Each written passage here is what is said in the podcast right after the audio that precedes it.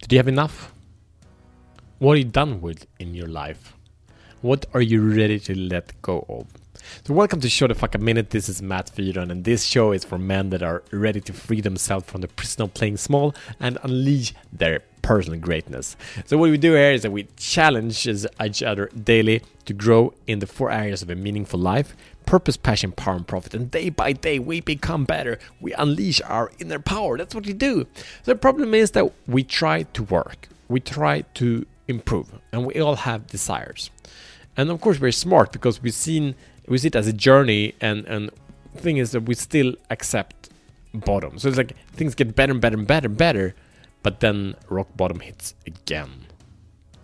Or maybe it's not as bad, but still bad. So the thing is that we get better on the good days, but it's the bad days that hold you from your potential. So what's the solution?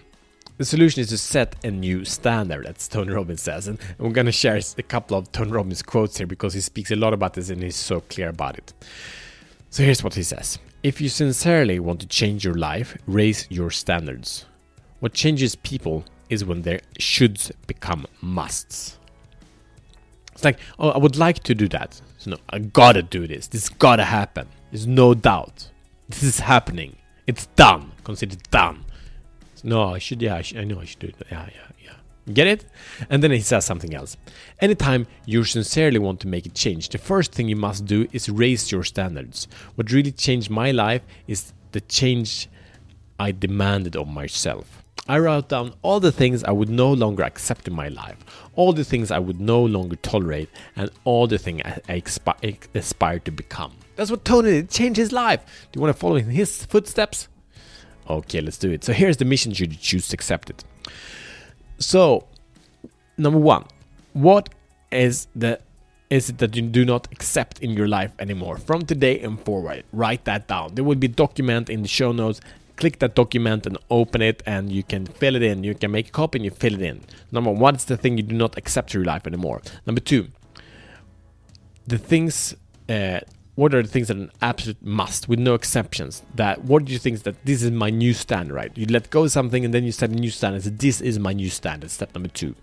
Step number three create a plan. So if you don't schedule for a change if it's like oh now i'm gonna get fit as fuck. Okay cool. But what's your plan? If you don't create a plan if you don't have action in your calendar you don't get anywhere. It's like so we did last week with the commitment challenge. If you didn't do that, do that. It's awesome. It's, it's quite related, but it's very different. So what I did, okay, I committed, and, and while I kind of was when I was doing the the exercise, I I sent an email to two uh, gyms while I did exercise. Like it's about, and then like and then I let it go, and now they email me back, and now I schedule a meeting, or you know, it's it's moving. All right, so we need to create a plan. If there's no plan, then comes step four: go through the list and remove the things that are not must. So if you don't like, ah, no, I do this later. It's not a must. If you change it, you make a plan now. Is it, is it the must? Then you, if you're gonna get fit, you do the push-ups now. If it's it change, it's must in your relationship, in your in, in, in how you how you parent, how you whatever, how you run your business, whatever. Then you change it now. So you create a plan. You say, I'm going to call this person going to help me with that, whatever. You make a plan now. If it's not that, it's not a must. So remove it because we got to make our musts musts, right? We're to practice that muscle and that's through commitment. So go and check that episode out. And I'm sure you know many men who are still winding down the same old grinding record of saying, oh, I should, should, should you, blah, blah, blah, blah. It would be so nice if, but you're still not doing it. So send them this episode so you can become better together. And you can also join Show the Fuck Up Brotherhood. It's on Facebook and the link is below. And see you tomorrow as better men. Bye bye.